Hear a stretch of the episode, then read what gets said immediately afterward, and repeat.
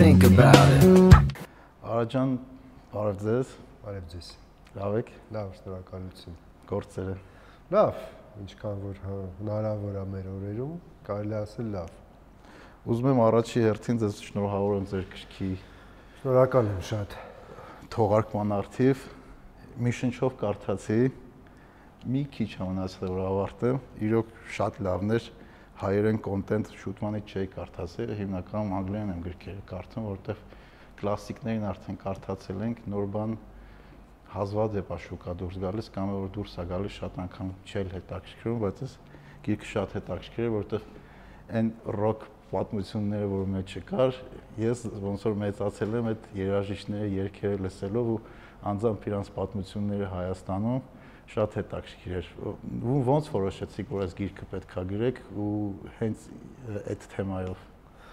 Գիրք 2009 թվականին, երբ առաջին այցը կազմ, այսինքն երբ նախաձեռնեցինք այդ Armenia Grateful to Rock ծրագիրը եւ 2009 թվականի հոկտեմբերին Յանգիլանին Deep Purple-ից եւ Tony Iommi-ին Black Sabbath-ից եւ շատ ուրիշներին հրավիրեցինք Հայաստան։ Երկու օր էր ընդամենը, բայց այդ երկու օրը այնքան լիքն էր իրադարձություններով եւ ինձ համար էլ ոնց որ դուք ասացիք, ես էլ եմ մեծացել այդ մարդկանց երաժշտությամբ եւ երբ իրենց հրավիրեցինք Հայաստան, տենց այդ զգացողությունը կար, որ դա իրական չի, որ դա մեզ հետ չի տեղի ունենում։ Եվ երբ այդ առաջին այցը եղավ, մտածում եմ, որ ինչ որ մի բան պետքա գրել այդ մեր տպավորությունները կիսվել մարդկանց հետ։ Այնուհետև պրոյեկտը շարունակություն ստացավ 2000, այսինքն 2009 թվականին, երբ եկան գնացին Գյումրի T6 երաշտական դպրոցը, որը ըստ էության միակ դպրոցն էր Գյումրիում, որը չէր վերակառուցվել երկրաշարժից հետո եւ այդպես դոմիկներում էր մնացել։ Այդ այցից հետո աստղերը եւ հայօգնության ֆոնդը եւ մենք որոշեցինք, որ այդ դպրոցը պիտի վերակառուցենք եւ այնինչ պիտի 2009 թվականին սկսվեր եւ ավարտվեր, այսինքն 2009 թվականին մեր նպատակն էր ուղղակի Հայաստան հրավիրել այն աստղերին, որոնք դրանից 20 տարի առաջ Rocket Armenia ծրագրով ձայնագրել էին Smoke on the Water-ը Deep Purple-ի եւ օգնել էին երկրաշարժից դժուժած Հայաստանին, բայց այնպես ստացվեց, որ 2009 թվականին ոնց որ Rocket Armenia-ի 20-ամյակը նոր կյանք տվեց այդ պրոյեկտին։ Եվ 2010 թվականի մարտին եղան Յանգիլնի երկու բարեգործական համերգներ ազգային ֆիլհարմոնիկ նվագախմբի հետ, Այնուհետև նոր իրադարձություններ, ի վերջո 2013 թվականին դպրոցը բացեցինք նոր շենքով եւ երևի թե 2013 թվականին, այսինքն դպրոցը բացելուց հետո եւ այդ դրամաբանական ավարտին հասցնելուց հետո հասկացա, որ միգուցե կարող է գիրք դառնալ եւ այդպես իհարկե շատ դանդաղ էր ամեն ինչ տեղի ունենում, որովհետեւ երբ ունես առօրյա աշխատանք բավական խիտ, դժվար է ժամանակ հատկացնել հենց գիրք գրելով սկսեցի 2017 թվականին զբաղվել, աշնանը երևի այդպես մի 25-30%-ը գրեցի եւ թողեցի եւ parberabar փորձում էի վերադառնալ, բայց այդպես վերջնական այս հունվարին հենց անմիջապես նոր տարվա տոներից հետո հասկացա, որ եթե հիմա չավարտեմ, էլ երբեք չեմ ավարտի այդպես մի երկու շաբաթ առավոտյան ժամը 5-ին զարթնում, երկու ժամ աշխատում է եւ ստացվեց, որ մոտ երկու շաբաթում հնարավոր էր ավարտին հասցնել։ Եթե կարճ էսպես։ Հա, բարձր։ Մատ ինչ գիտեք ինչ է հետաքրքրեց, օրինակ գրքեր որ կարդում եմ, միշտ շանս չեմ ունեցել այդ մարտիկ ով այդ գրքերը գրել են, իրանց հետ շփվեմ, այս երևի առաջի դեպքն է, այդ փոքր դետալները, որ մանկությունից ինչ որ կյանքի դրվագներ են, որ ամեն օրվա կյանքում դու դրանք շատ անգամ մոռանում ես, էլի ոնց է այդ process-ը, ոնց է այդ այդ ամեն ինչը վերհիշում ու կարողանում այդ այդ էմոցիան թղթին հանձնեք, էլի որտեղ օրինակ որ այդ մասը կարդում եք, դուք ոնց եք դպրոցական տարիքին այդ Deep Purple-ի համերգին գնաց հետո ծնողները որ խառնվել էին իրար որ դուք շատ ուշ չկաք այդ այդ ամեն ինչը դենց էր պատմված որ տենց դրվագները փոքր ժամանակ իմ կյանքում էլ ա եղել որ մենք էլ էինք դες տանից գնում ռոք համերգների ես Վանաձորում եմ մեծացել Վանաձորում ռոքը միշտ կար էլի Վանաձորը ինձ թվում է Հայաստանի ռոք մայրաքաղաք կար, չէ՞ անվանվի։ Հա, երևի կարելի է։ Միանշանակ կարելի է։ Այդ թեմով ուզում ենք անգամ բան կարճ ֆիլմ նկարենք, որ 60-ականներից մինչև այսօր այդ ռոք տրադիցիան ոնց է պահպանվել Վանաձորում ու այսօր է շատ խմբեր կան էլի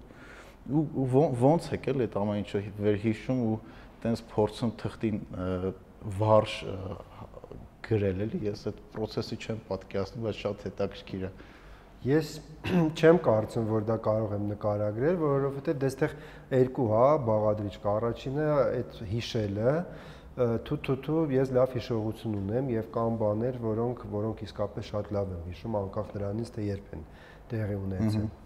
Այստեղ դրվագներ կա 90 թվականից 2009-ից տարբեր եւ բառացիորեն մի քանի օր առաջ ընկերոջս հետ էի խոսում եւ ասաց երևի տենց ինչ որ նշումներ բաներ ուներ, ասացի չէ, ինչ որ տենց թվում է որ նշումներ ինչ որ կա, ինչ որ կա, դա այդ ամենը իմ գլխում ա եղել եւ կան բաներ, որոնք կարծում եմ այստեղ եթե տենց ասեմ գաղտնիք չկա իրականում, բայց գաղտնիքը երևի նա այդ պահին, եթե դու ինչ որ մի բանը շատ ուժեղ եւ էմոցիոնալ ես ապրում, դա բնականաբար տենց հիշողությանդ մեջ տպվում է, եւ ոնց որ այդ ֆայլը ինչ որ միտեղ տենց պահած է լինում, այն պայն երբ որ պետքա իրան վերարտադրել կամ գրել, այդ ֆայլը բացվում է, այնտեղ ամեն ինչ կա, էլի, չգիտեմ, երևի սենց կարելի է բացատրել, որովհետեւ հատուկ ինչ որ ջանք գործադրելու այդ ամենը հիշելու չեմ հիշում, որ ես գրքի վրա աշխատելուց ես գործ, այսինքն այդ ամեն ինչը կար եւ հիմնական բաններ ուղղակի ժամանակ գտնել այդ ամեն ինչը իմի բերել կարծում եմ դա է, որովհետև այդ բան կա, չէ, այդ flashbacks, տենց հա։ բան կա, դա դա տենց տարբեր ժամանակաշրջաններից կա մարդու հիշողության մեջ, եւ ինչ որ մի պահի երևի որ սկսում ես գրել, մի գուցե ասենք այդ ֆայլերը սկսում են ավելի արագ բացվել քո հա։ գլխում։ Երևի այդպես ասինքն ամենա իհարկի պահը, որ վերհիշում եք ու սկսում եք դա գրեք, ոնց որ կողքից սկսում է մնացած ամեն ինչը բացվել, հա Տենց էլ կարելի է ասել, բայց իրականում սենց ասեմ, այդ գրելը եւ այդ վերհիշելը այսինքն որ վերհիշում ես, հետո արդեն չես էլ նկատում, դա ոնց ես գրում, էլի, սենց ասեմ, դա ու չգիտեմ, երևի գրող մարդու համար, լրագրողի համար, որի որի դա բանն է, հա, այսինքն փեշակն է։ Գրելուց չես էլ մտածում, թե ոնց գրեցիր Բնականաբար լինում է ինչ-որ բաներ, որ մի քիչ ավելի երկար ես մտածում, բայց ինքը տենց ինքստինքյան նստում է, որ ոնց որ տենց, չգիտեմ, էլի, կոշկակարը կոշիկ կարելուց երևի տենց շատ չի մտածում, չէ՞, ոնց է այդ կոշիկը կարում, հա։ կամ տենց մի բան է միշտ տենց է, այսինքն երբ որ դու մի գործում ես մասնագիտանում, քեզ միշտ թվում է, օրինակ բոլորիս թվում է, չէ, որ բժշկի գործը չես պատկերացնում մարդ ոնց կարա օրինակ բան, հա, խիրուրգը ոնց կարելի է մարդուն կտրել, ինչ որ բան հեռացնել, կարել, բայց վստահ եմ, որ նույն բժշկի համար այն ինչով որ մենք կամ դուք եք զբաղվում, դա է այդպես ծվում։ Այսինքն երբ ինչ որ մի բանում մասնագիտանում ես, արդեն դառնում է սովորական ամենայը, հա։ Կողքից թվում, բայց այդ դառնում է քո մոտ անգլերեն շատ լավ բառ կա habit։ Ահա հարին ոնց էր։ Սովորություն սովորություն է դառնում։ Ես սովորությունից բացի նաև երբ որ փորձ ես ձեռք բերում, այդպես ժամանակին մի տեսություն կար, որ ինչ որ X քանակի ժամ 10000 10000 ժամի օրինակ 10000-ը տեն շատ պայմանական է, որովհետև երեք մինչև այդ էլ կարդացել է, երեք էլ հաղորդում էր, հաղորդում չէր, սյուժե էր, որ ասում է 10000 քայլ անելու օրական բանը իրականում այդ բան չի, էլի 7000-ը լրիվ հերիք է, իսկ 7500-ից ավել արդեն իմաստ չունի, թե 10 կանես, թե 12 նույն բանն է։ Այդ 10000 ժամի տեսությունը կա, այո, հիմա չգիտեմ իրականում կարող է 10 չի 5 է, բայց երբ որ դու այդքան ժամ ինչ որ մի գործով քո կյանքում զբաղվում ես, այո, ինչ որ բաները արդեն ու չասենք լրիվ ավտոմատ կերպով, բայց այո, քո ձեռք բերած փորձը քեզ թույլ է տալիս, այսինքն առանց ավելորդ մտածելու ինչ որ բան անել։ Նու գիրք գրելը ինքը իհարկե մի քիչ տենց ավտոմատ բան չի նախատեսում, այդտեղ էմոցիոնալ բանը մեկա կա, հա։ մեկա կա, այո։ Եվ հետո գրելուց ինչ որ բաներ հիշում ես, ինչ որ բաներ նորից ես ապրում, որ որտեղ այնտեղ պահեր կա կոնկրետ այս գրքում, որ իրանք իրոք անհավանական են թվում մինչև այսօր։ Հա։ Եվ երբ որ դա կարդում ես, հետո խմբագրում ես, հետո փոխում ես, ոնց որ նորից դա դա ապրում ես, դա իհարկե հաճելի է։ Բայց տխուր տխուր պահեր է կա, օրինակ այդ սպիտակի մասը, որ կարդում եի, հուզիչ էր։ Ոնց թվում այդ գրելուց էլ է դժվար տես բաներ գրելը։ Նայած, ես միշտ, այսինքն փորձում եմ գրելուց լինի դա, ну, ես ինձ գրող ամենևին չեմ համարում, սա իմ առաջին գիրքն է, չգիտեմ հետո գրքեր կլինեն թե չէ, բայց ես ինձ միշտ լրագրող եմ համարել եւ այս գիրքը եւս կարծում եմ թե կարող ենք այդպես ձևակերպել, ինքը լրագրողական գիրք է, նախ որովհետեւ ինքը fiction չի, non-fiction է, եւ երկրորդը ես այս գիրքը գրելուց փորձել եմ գրել այն ոճով, որով ես գրում եմ օրինակ իմ սյունակները Մեդիամաքսում։ Եվ գրելուց ես միշտ փորձում եմ համատեղել, այսինքն ես գրում եմ տեքստերը ստացվում են միգուցե երբեմն էմոցիոնալ, կախված թեմայից, բայց փորձում եմ սթափ մնալ եւ վերջին տարիներին իմ գրված սյունակներից երևի 1-ը, 2-ը, 3-ն են եղել, որ ես միտումնավոր ոնց որ այդ էմոցիան ավելի շատ եմ ողել, քան սովորաբար արել եմ, որովհետև իրադարձությունը թեման է այդպեսին եղել։ Ես միշտ փորձում եմ սառը գլխով գրել երբ խոսք եթե խոսքը գնում է սյունակների մասին, գրքի պարագայում այդպես ինքդ քեզ կաշկանդելու կամ տենց հավաք պահելու խնդիր չունես, բնականաբար ավելի ավելի ազատ ես եւ չգիտեմ, արդեն ընթերցողները պետք է ասեն, եթե դուք հավանել եք, շատ շատ հաճելի է։ Իրոք շատ հավանեցի, տենց շատ մեր copywriter-ի հետ է երեք խոսում, ինքն էլ է գրող, էլի գրքեր է գրում մեր Լիլիթը, իրան էի պատմում, ասում են, ես ես փափուկ գրած գիրք էր։ Ես գիրք շատ եմ կարդում, ու շատ չասեմ, փորձում եմ ամիսը գոնե մի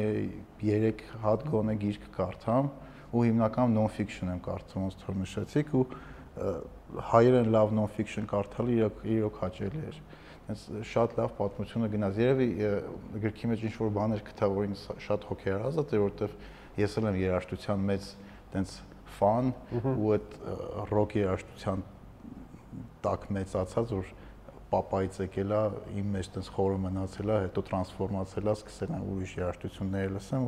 այդ պատմությունները շատ ինձ հոգեհարազատ են կարող է նաև պատճառը հետեր բայց միանշանակ շատ հետաքրքիր գիրքեր ու բոլորին խորհուրդ կտամ կարդալ կարդացեք շնորհակալ եմ իսկ լրագրությամբ ոնց որոշեցիք, ոնց սկսեցիք զբաղվել, էլի որ տարիքից ու ինչի ընտրեցիք այդ մասնագիտությունը։ Շատ վաղ տարիքից 90 թվականին ես դպրոցում էի սովորում, Պուշկինի դպրոցում եւ այդ տարիներին 89-90 թվականներին էքսպերիմենտներ էր արել, դե ռուսական դպրոց էր մեր դպրոցը եւ ոնց որ տարանջատեցին դասարանները, հումանիտար, այդ քիմիա եւ բիոլոգիա, ֆիզմատ դասարան եւ ոնց որ այդ այսպես կոչված օբշի կլաս ընդհանուր դասարանները ես հումանիտար դասարան ընտրեցի եւ մեր ռուսաց լեզվի եւ գրականության ուսուցիչը Մարկ Գրիգորյանը, որը հիմա իմ ավակ ընկերն է, եւ հանրային ռադիոյի տնօրենն էր, հիմա ճարտարապետության թանգարանի տնօրենն է։ Ինքը մեր ուսուցիչներ եւ ոնց որ ինքը դասղեկը չէր, բայց ամենից շատ ժամեր ինքը ուներ, որովհետեւ հումանիտար դասարան էր եւ ինքն էր դասավանդում եւ ակումբ կար դպրոցում, որը կոչվում էր դիալոգ եւ այնտեղ հիմնականում ավելի բարձր դասարանի երեխեք էին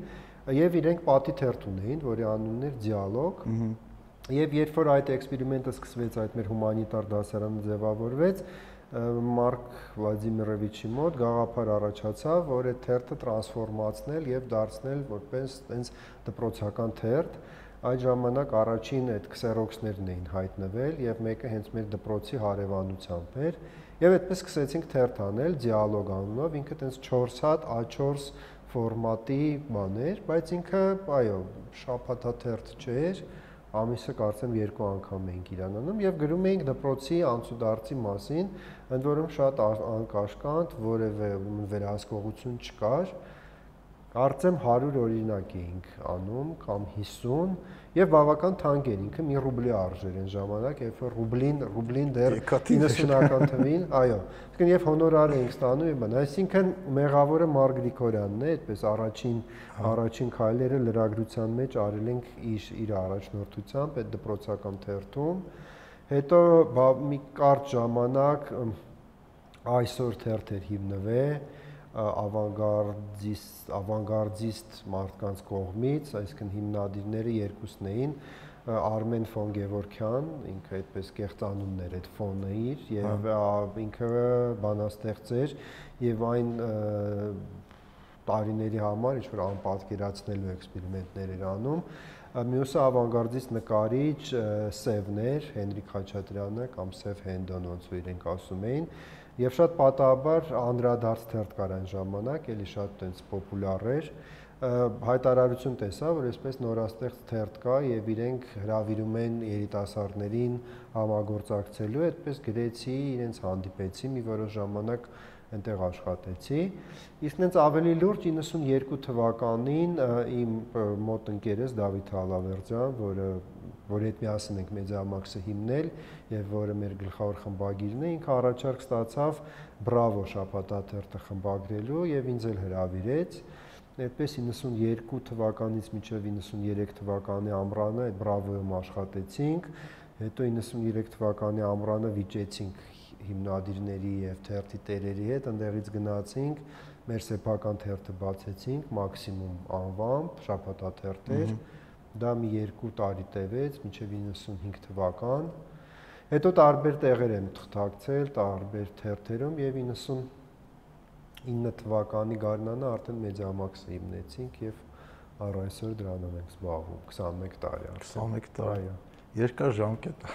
այո ինձ մեկ-մեկ մարդիկ ասում են տենց ոնց է հնարավոր բայց դե մենք մեր փորձով ցույց ենք տալիս որ ոչ միայն հնարավոր է այլև շարունակում է մեզ եւ մեր թիմին շատ մեծ հաջող պատճառել այդ աշխատանքը իսկ դուք ասենք բացի լրագրողերնելուց այսօր նաև բիզնես կարելի ասել բիզնեսի սեփականատեր եք, մենեջմենթով եք զբաղվում։ Այդ ո՞նց եք կարողանում այդ այդքան տարի հետո պահել այդ ինտուզիազմը թիմի, որ ամեն օր մարդիկ փորձեն իրանց լավագույնը։ Ես այդպես հատուկ ինչ որ ռեցեպտ չունեմ, այդ այդ այդ հաստատ է։ Եվ 21 տարի որ ասում ենք բնականաբար այնպես չէ որ 21 տարի մենք անընդհատ նույն գործով ենք զբաղվում այս տարիների ընթացքում տարբեր տրանսֆորմացիաներ ա եղել 99 թվականին մենք երբ որ բացվեցինք, մենք զուտ լրատվական գործակալություն էինք, այսինքն արտադրում էինք լուրեր եւ վաճառում էինք դրանց հեռուստաընկերություններին, թերթերին, արտասահմանյան դեսպանություններին եւ այն ժամանակ շատերը ասում են, որ անմտություն է մեր կողմից շուկա մտնելը, որովհետեւ փոքր է շուկան եւ 4 լրատվական գործակալություն կար արդեն 4 թե 5 4 եւ ասում էին որ տեղ տեղ չկա էլի բայց մենք երևի տենց մի երկու տարվա ընթացքում ապացուցեցինք որ տեղ կա մեր մեր նիշան ոնց որ բան արեցինք հետո 2000-ականների սկզբին երբ որ ինտերնետը սկսեց շատ արագ զարգանալ մենք էլ հասկացանք, որ այդ մոդելը, այսինքն այդ բաժանորդագրությամբ ինքը դատապարտված է եւ շատ կարճ կյանք ունի եւ այդպես սկսեցինք մեր սեփական կայքերը բացել եւ այնուհետեւ շատ-շատ բաներով ենք սկսել զբաղվել եւ միգուցե նաեւ դա է բանը, որ տեղում չենք դոփել, միշտ փորձել ենք ոնց որ եւ միջազգային տրենդերին հետեւել եւ նաեւ տեղական շուկային շատ ուշադիր հետեւել, հասկանալ թե ինչն է մրցունակ, ինչը մրցունակ չի։ Բայց կարևորը կարծում եմ նա, որ իսկապես այն պայից սկսած, երբ որ դու դադարում ես հաճույք ստանալ այս կամ այն գործից, պիտի կամ չզբաղվես կամ փոխես, առ այսօր ես ամենայն անկեղծությամբ եմ ասում, բնականաբար լինում են եւ ինչ որ դժվարություններ, եւ հիասթափության ինչ որ պահեր ժամանակաշրջաններ են լինում, ոնց որ բոլոր նորմալ մարդկանց մոտ, բայց մեծ հաշվով դա այսպես շատ փոքր դրվագներ են։ Իսկ մեծ դրվագն այն է, որ այո, մենք կարողացել ենք լավ թիմ ձևավորել եւ այդ թիմի յուրաքանչյուր անդամ գիտի, որ ինքը կարևոր մի գործի մաս է կազմում, այսինքն այդ զգացումով գալիս է առավոտյան աշխատանքի եւ այդ զգացումով գնում է եւ դա իրականում շատ կարեւոր է եւ ես կարծում եմ որ մենք դա պահելու ենք այնքան ժամանակ ինչքան դեռ ինչքան մեդիամաքսը կմնա հիմա իհարկե այնքան արագ է ամեն ինչ փոխվում որ չգիտենք այսօր որ ասում ենք մեդիամաքս 2-5 տարի հետո դա ինչ է լինելու բայց միանշանակ է որ այն թիմը որը կա իր այդ կորիզը եւ գաղափարախոսության հիմքը հենց դա է լինել։ Հետաքրքիր է։ Իսկ նշեցիք, որ դուք ժամանակին հասկացաք տրենդերը ոնց է փոխվում ու սկսեցիք ձեր վեբ կայքերը պատրաստեք, ոնց որ նորության դիստրիբյուցիան սկսեց փոխվել, չէ՞, սա աշխարհը։ Այսինքն առաջ ոնց էր դուք, եթե կլասիկ մեդիա էր, դու ուներ քո դիստրիբյուցիան ուղիները, ինչ որ կրպակներ էր տալի կամ մարդկանց տուներ իր առաքում դրանից հետո փոխվեց ոնց որ մի հատ երկու հատ դիստրիբյուտոր դարավ սա աշխարհում որոնցից մեկը այդ Facebook, Twitter, Google, Apple News, նո Apple News-ը ավելի նոր է ինչքանով է ճիշտ ձեր կարծիքով որտեղ այդ հարցի մասին մտածել եմ այդ դիստրիբյուցիան, որ բոլոր նորություն նորության սայթերը ողջ աշխարհում իրանց այդ դիստրիբյուցիան սկսեցին տան Facebook-ին ու նման գիգանտներին ու կորցրեցին իրանց դիստրիբյուցիոն ուղիները։ Տեսեք, մինչև դա այլ բան տեղի ունեցավ, այսինքն եթե վերադառնալով, հա, երբ որ դու լրատվական գործակալություն ես, դու արտադրում ես լուր, օրինակ, էքսկլյուզիվ, միայն դու ունես։ Որպեսզի դա հասնի վերջնական սպառողին, օրինակ ձեզ, դա պետք էր, որ օրինակ հերոստանգերության եթերում հնչեր կամ թերթում տպվեր։ Այսինքն դու լինելով էքսկլյուզիվի արտադրող, Միևնույն է կաշկանդված էիր, որովհետև դու չէիր կարող քո անմիջական ընթերցողի հետ ուղիղ կապ հաստատել։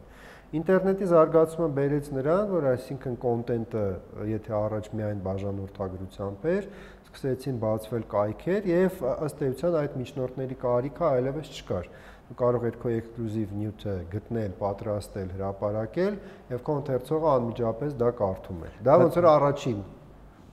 փուլն էր։ Հա, բայց այս դեպքում Facebook-ը էլի միջնորդ է։ Հետո հետո այո, հետո արդեն եկան սոցիալական ցանցերը, այո, եւ այսօր կախվածությունը շատ մեծ է բնականաբար Facebook-ից, կոնկրետ Facebook-ից Հայաստանում կայքերի, տրաֆիկի, ու կախված կայք, հա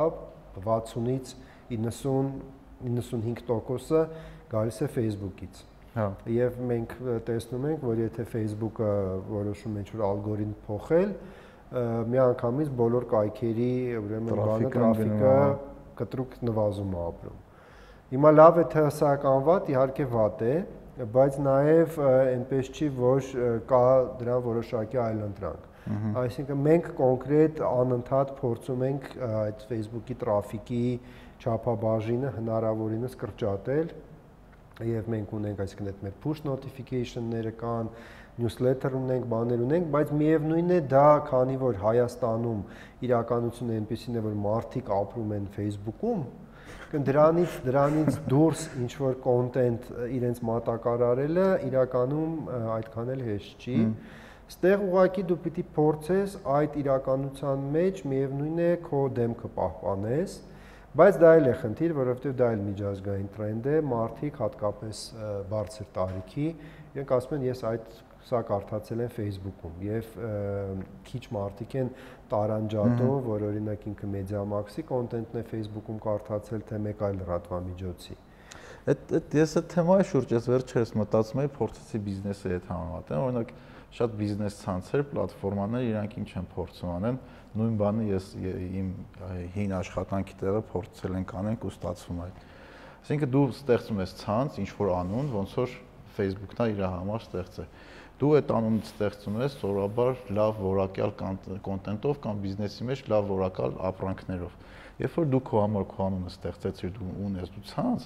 այդ որակյալ ապրանքի տեղը դու կարաս նաև փող լրացնես ավելի ցածրորակ ու ավելի էժան ապրանքով։ Ու մարդը, քանի որ արդեն վստահում է քո պլատֆորմային, պետքա վստահությունը իրականում չշարաշահեսը, որովհետև տենց է հաճ տրաֆիկը կընկնի համ բիզնեսում, համ Facebook-ի դեպքում։ Ու որ սկսում է մարդ քեզ վստահել, հաճախորդդ բիզնեսի դեպքում այդ կոնկրետ հաճախորդը, Facebook-ի դեպքում էլ յուզերները, որ օգտվում են այդ ցանցերից, այն ինչ որ այդ պլատֆորմայի միջոցով դու ստանում ես, շատերը էլ չեն սկսում անալիզ անել, որ այդ կարող լինի ցածրորակ, այդ կարող լինի էժան կոնտենտ ու մարդիկ սկսում են կարդալ նես բաներ, որոնք իրականում նու պետք է չի որ կարդան, էլի, որտեվ ինքը կոնկրետ մանիպուլյացիա է, սուտ է կամ փորձում են գովազդի վրա գումար աշխատեն, որ դու մտնես, կլիկ անես, բացես, ինչ որ էշություն լինի իմբիրի մասին, որը բուժում է, չգիտեմ, կորոնավիրուս, իմ բիրիգինը թռնի սա Հայաստանում 20000 դրամ դառնա ու չգիտես ոնց էլ այդ ամեն ինչը ստացվեց էլի այսինքն մարդիկ վստահում են արդեն կոնկրետ ոչ թե մեդիամաքսին կամ չգիտեմ, բանին կամ մնացածին, այլ վստահում են Facebook-ին։ Իրականում ես չեմ կարծում, որ վստահում են Facebook-ին։ Ուղղակի ստեղծվել է մի իրավիճակ, հա, երբ որ Facebook-ը դարձել է մեր կյանքի անբաժան մասը։ Կոնկրետ Հայաստանում ձեր կարծիքով։ Կարծում եմ, որ շատ են, շատ են պատճառները։ Կարծում եմ, որ պատճառներից մեկը մեր հասարակության այդ ծայրաստիճան քաղաքականացված լինելն է։ Եվ դա ոնց որ հարմար պլատֆորմա է այդ քաղաքական մարդկանց նախասիրությունները կամ հակառակը արտացոլելու, ինչը մենք տեսնում ենք այդ բաների, հա, մեկնաբանությունների տեսքով, որոնք որոնք որոնք շատ հաճախ ուղակի չես էլ իմանում, էլի, ոնց ոնց ինչ անուն տաս այս կամ այն մեկնաբանությանը լատինատար, կիսագրագետ, անհասկանալի եւ այդ մեկնաբանելու մոլուցքը եւ կարծում եմ որ այ Facebook-ի ամենա մեծ առավելությունը նա է որ էլի Հայաստանի մասին ենք հա խոսում որ ինքը ցանկացած մեկին հնարավորություն է տվել մեկնաբանել եւ այսինքն եթե շատ կոպիտ ասեմ, իրեն լավ զգալ, հա։ Իր իդեաները բրոդքաստ անել։ Նույնիսկ իդեաները չէ, նույնիսկ այստեղ իդեաների մասին է խոսք չկա, հա։ Օրինակ ճիշտ ինչ որ react անել ինչ որ event-ի, ինչ որ մի բանի ու դրանից ինքը լավ զգա, հա։ Այսպես ասեմ, մենք օրինակ արդեն իմ համար դա աքսիոմատիկ է, ցանկացած անգամ, երբ որ մենք մեդիամաքսում ինչ որ լուր ենք դնում որտեղ հիշատակվում է Սերժ Սարգսյանը, ու ամենավերջին օրինակը մի քանի օր առաջ հայտարարեց իր գրասենյակը, որ սկսում է Սերժ Սարգսյանը տեսաուղերձներով շփվել, եւ դա այսինքն ուղակի լուր էր, որտեղ մենք բան էինք անում, որ այսպիսի բան են տարածել եւ ինչ որ որոշակի parberakanությամբ ինչ որ թեմաներով ինքը խոսելու է։ Այդ լուրը տեղադրելուց 5 կամ 10 րոպե հետո գալիս են մարդիկ եւ դրա տակ, այսինքն եթե ինչ որ մեկը չի սիրում Սերժ Սարգսյանին,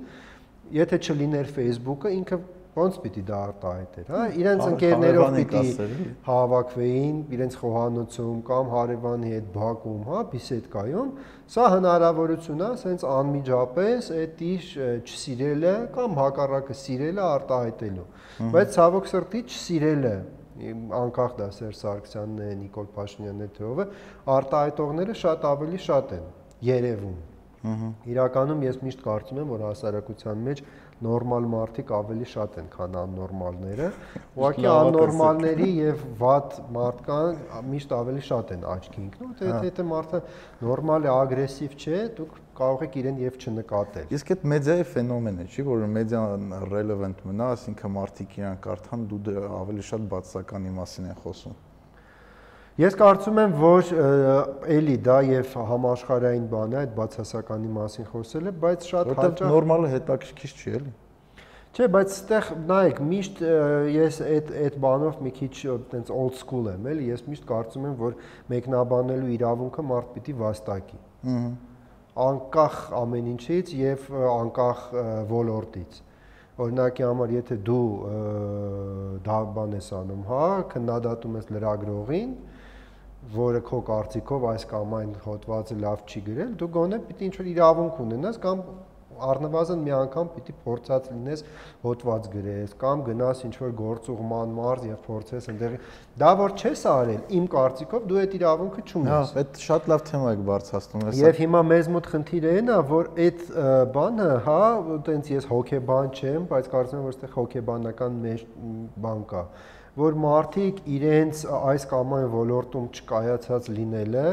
սրան նրանք հնադատելով փորձում են իրենք իրենց ինչ որ լավ ավելի լավ ավելի իրենք իրենց ավելի լավ Երևան, քան իրականում կա։ Իսկ մարդը ողբերգությունը երբ հասկանում, երբ որ մարդը սկսում է ինքն իրեն խաբել։ Հմ որովհետև երբ որ դու ինչ որ մի տևական ժամանակ ինքդ քեզ սկսում ես խափել, գալիս ես ինչ որ մի կետի, երբ որ հավատում ես, որ դա իրականում այդպես է եւ դրանից հետո դու արդեն այն նախքին մարդը չես, որովհետեւ դու ոչ իրական աշխարհում ես ապրում։ Միգուցե ես շատ խորացա, բայց կարծում եմ, որ այդ խնդիրը մենք միանշանակ ունենք, որ շատ ցավոք սրտի միգուցե կոպիտ կհնչի, բայց անբան եւ անկիրթ մարդիկ եւ նորից եմ ասում, դա երևում է մեկնաբանությունների որակից թե ուղագրական, թե բովանդակային, իրենց իրավունք են վերապահում ինչ որ մի բան խոսելու հանրային տիրույթում։ Բայց այդ խոսքի ազատությունը չի։ Դա խոսքի ազատությունն է, որը իհարկե խոսքի ազատությունը երկար կարող ենք խոսել, բայց կա նաև պատասխանատվության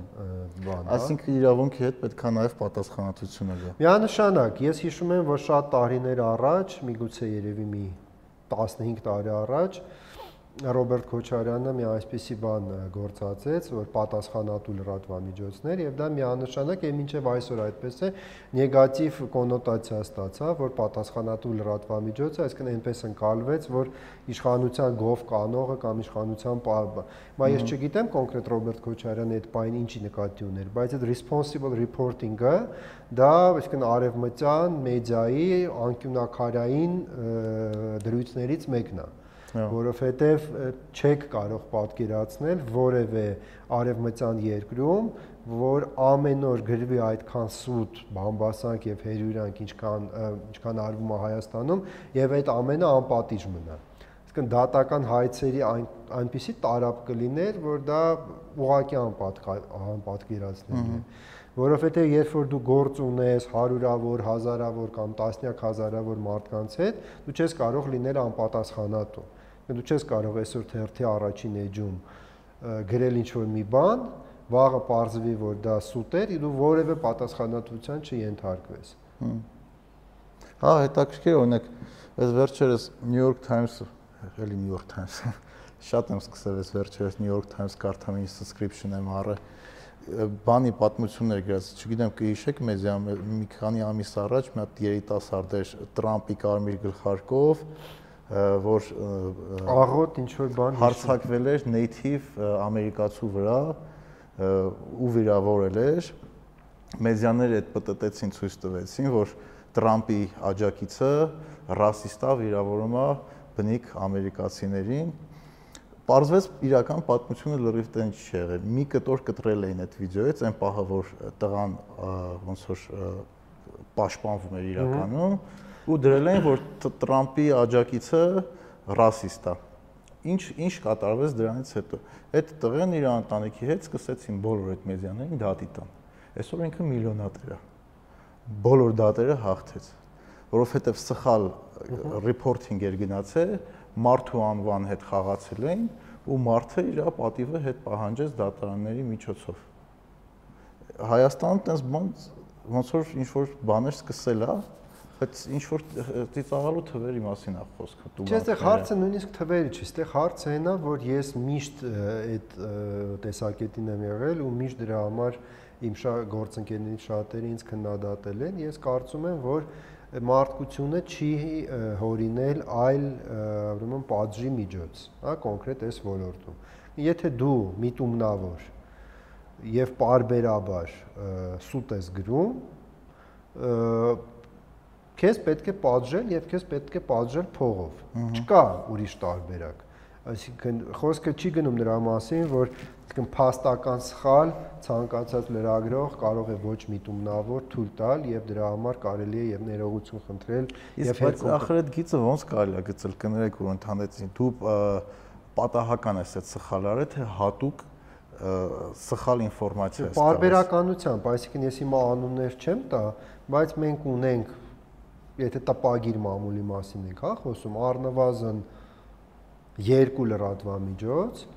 որոնք եթե ես օրինակ չալարեմ եւ ժամանակին ուզում եի այդ էքսպերիմենտը անեի, հետո ուղղակի ճուզեցի դրա վրա ժամանակ ծախսել որ ամեն օր եւ երբ բան չգնանք առաջի էջում այդ փոքրիկ այսպես լուրերը որ լինում են, ուղղակի դնել եւ հաշվել շաբաթվա ընթացքում այդ հրապարակումներից քանիսը հաստատվեցին, քանիսը ոչ։ Ահա Հիմա եթե մի ամսվա ընթացքում օրինակ դուք բան եք անում, որ 30-ից 20-ը չի հաստատվել,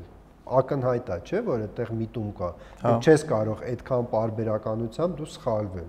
Այսինքն դու կան որոշակի քաղաքական շահ ես հետապնդում, կան որոշակի տնտեսական շահ ես հետապնդում եւ դրա դեմը պետք է առնել։ Եթե չես առնում, բնականաբար ոչ մի մոտիվացիա այդպես չանելու այս լրատվամիջոցը չունի։ Հա։